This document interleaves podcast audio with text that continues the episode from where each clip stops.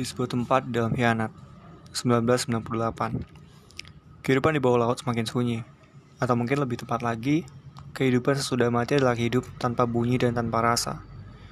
Beberapa ikan pari masih terbang dengan cantik sementara ikan-ikan lain seolah menyingkir memberikan panggung untuk mereka. Setiap lambaian ikan pari itu menimbulkan cahaya yang seolah menjadi lampu kehidupan kami di bawah laut yang sunyi dan gelap. Apakah orang-orang kehilangan kita? Sang penyair mengangguk Gelombang laut ini akan mengirim suara kita ke permukaan. Menyaksikan kehidupan cantik tanpa bunyi di dasar laut ini, aku tak yakin mereka yang berada di permukaan bumi akan bisa mendengar suara kami.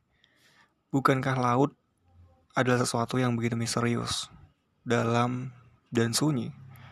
Apakah mereka paham arti gelombang dan seruan kami?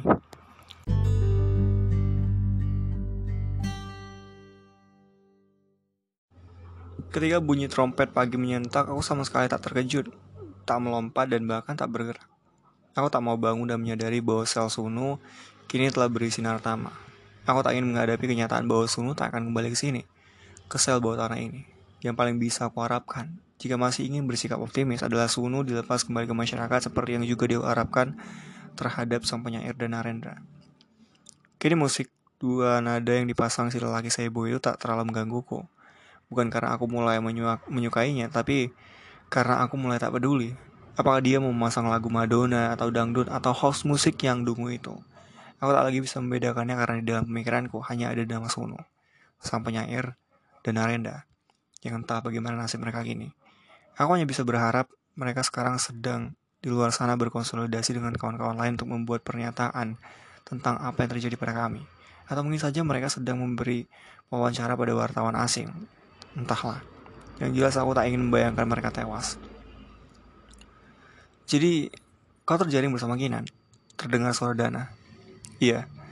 Kau tahu dia dia dibawa ke mana? Enggak. Sejak dijaring, kami dipisah. Mobil kami terpisah. Aku nggak tahu dia dibawa ke mana. Suara Nana Tama kecil dan letih. Pasti kemarin dia baru disentrum. Kabar ringan saja tubuhmu, kata Julius. Laut, Julius mulai mengabsen dengan suara perlahan dan parau. Iya, Alex Alex hanya berdehem membersihkan tenggorokannya Alex Iya Jul.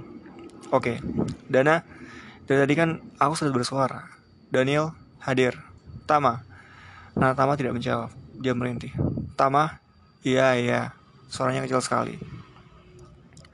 Lagi seibu menghampiri salku dengan senampan nasi bungkus di atas sarapan kami.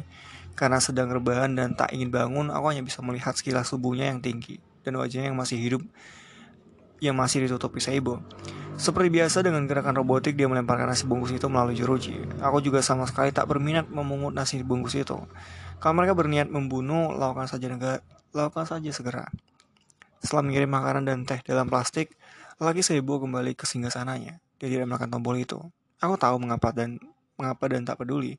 Aku mencium aroma nasi goreng.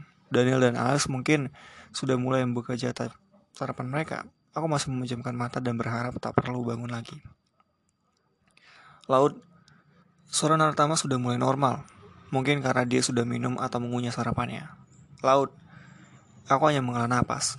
Pasti sama paham mengapa kami semua masih tak tahu bagaimana caranya berkomunikasi dengan dia. Sulit rasanya membentak, membentuk pertanyaan pada orang yang selama ini kami curigai sebagai pembocor rencana, sebagai agen ganda, yang ternyata malah ikut terjaring dan dijebloskan ke dalam sel bersama kami. Anjani terus-menerus mencari informasi tentang kau, Laut.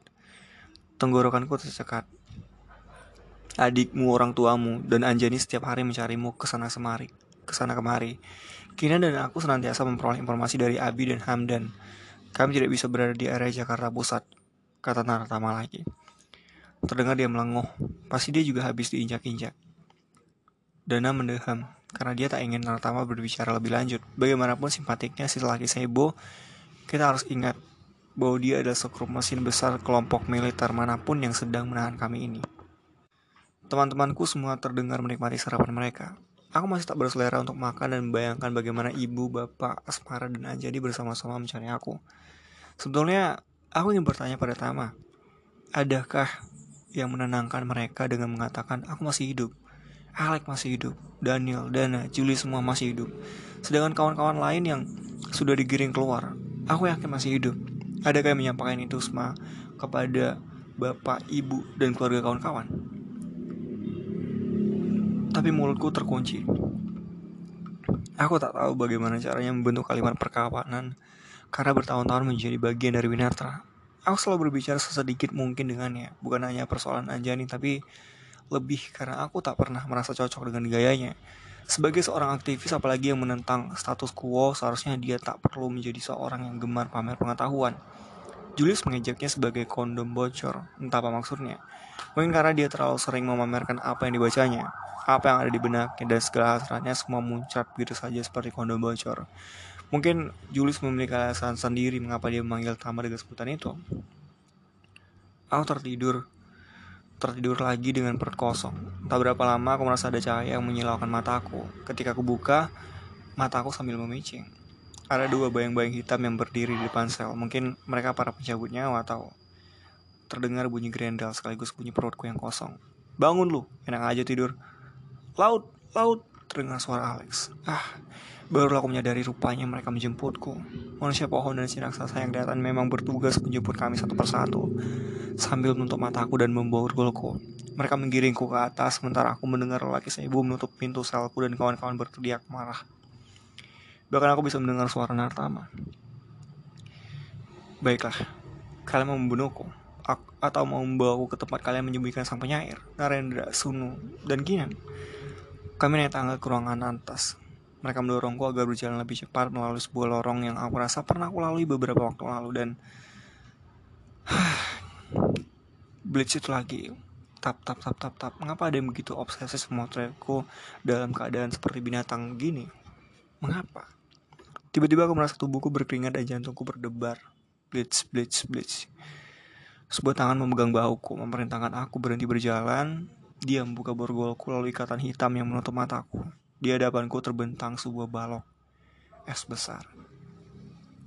Halo biru laut. Aku menoleh. Gusti dengan kamera kesayangannya berdiri di sampingku, tersenyum.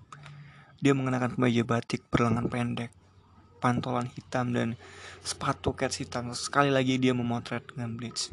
Tap. Si, si manusia pohon mengangkut mengangkat tubuhku dalam keadaan basah kuyup kembali ke ruang bawah sementara kamera dan blitz sialan itu masih saja terus-menerus merekamku. Anjing, berhenti kau anjing. Aku mencoba berteriak tetapi suaraku tak keluar. Kenapa laut? Sek sek toh. Laut mau ngomong sama aku. Gusti menepuk manusia pohon yang menggotong badanku. Gusti mendekatkan telinganya ke mulutku. Aku mengumpulkan segenap ludahku dan memuncratkan seluruh ludahku ke mukanya. Manusia pohon tertawa terbahak-bahak. Gusti bersungut-sungut mengelap wajahnya meski tetap tersenyum. Aku paham perasaanmu laut. Tiba di ruang bawah, manusia pohon menyerahkan aku pada lelaki seibo. Semua kawan-kawan segera mengguncang pintu sel demi melihat aku dalam keadaan basah dan lemah.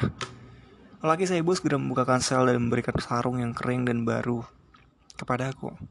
Sama seperti yang dilakukan pada Daniel tempo hari, kali ini dia bahkan menawarkan segelas kopi panas miliknya. Aku menggeleng dan memutuskan membuka semua bajuku dan mengenakan dua buah sarung sekaligus sembari tidur. Laut. Oh, aku legakan kembali.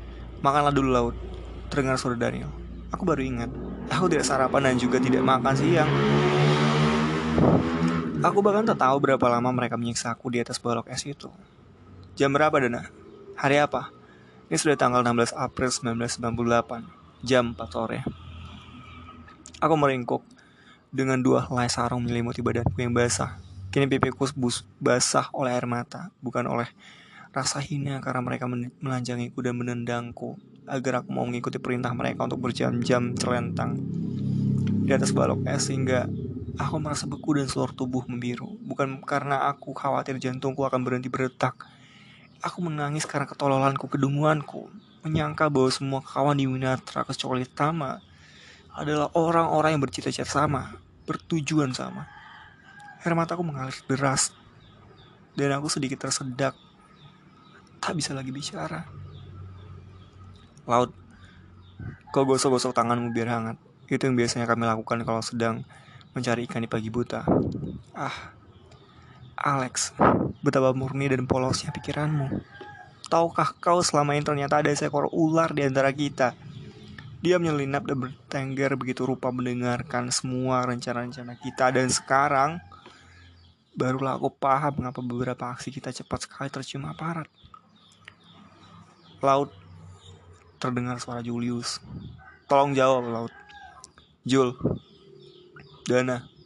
Alex. Daniel. Tama. Aku memanggil satu persatu di antara tenggorok tenggorokanku yang terasa dicekik. Balok es dan dingin yang menusuk saraf itu bisa kuatasi memang sangat dingin, sakit dan hampir membunuhku. Tapi itu tak seberapa. Semua terdiam kecuali Alex. Ada apa laut? Aku bertemu Gusti. Mengenakan kemeja batik dengan kamera dan blitznya sibuk memotretku selama aku disiksa. Tiba-tiba seluruh saham menjadi hening.